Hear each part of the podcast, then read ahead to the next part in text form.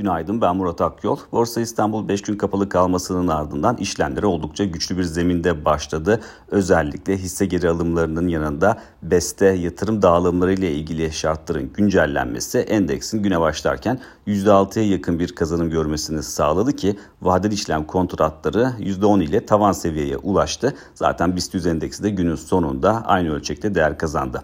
Endeks böylece Ocak ayı sonunda başlayan aşağı yönlü trendini de kırmış oldu. Bundan sonraki süre zarfına baktığımızda 5050 ve 5200 gibi dirençler öne çıkıyor ama dün kazanılan momentum çok büyük ihtimalle bu seviyelerinde güçlü bir şekilde kırılmasını sağlayacak gibi görünüyor.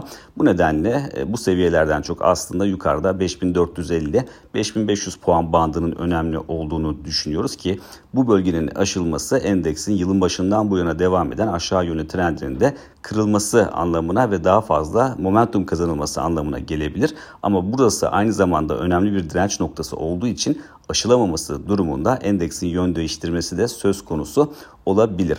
Dolar TL kuruna baktığımızda orada hafif yukarı yönlü bir eğilim e, görüyoruz ki bir süredir zaten bu paralelde hareket ediyor.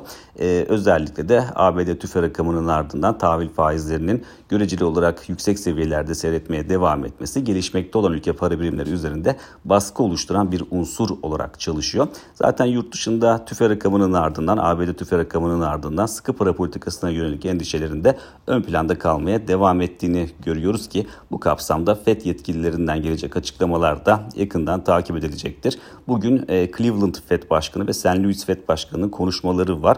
Özellikle St. Louis FED Başkanı e, Bullard'ın açıklamaları önemli olabilir. Çünkü Bullard oldukça şahin mesajlar veren bir isim ve bu mesajların ardından zaman zaman e, risk iştahının da daraldığını görebiliyoruz. Bir kez daha benzer açıklamalar yapabilir ki geçen hafta zaten e, mesajlar veren açıklamalar yapan FED yetkilileri çok net bir şekilde faiz arttırımlarının devam etmesi gerektiğini söylemişti. Bullard'ın da Fed içindeki en şahin isimlerden biri de olduğunu düşünürsek çok büyük ihtimalle aynı paralelde e, sıkılaştırma mesajları verecektir e, diyebiliriz. E, ayrıca şunu da unutmamak gerekiyor.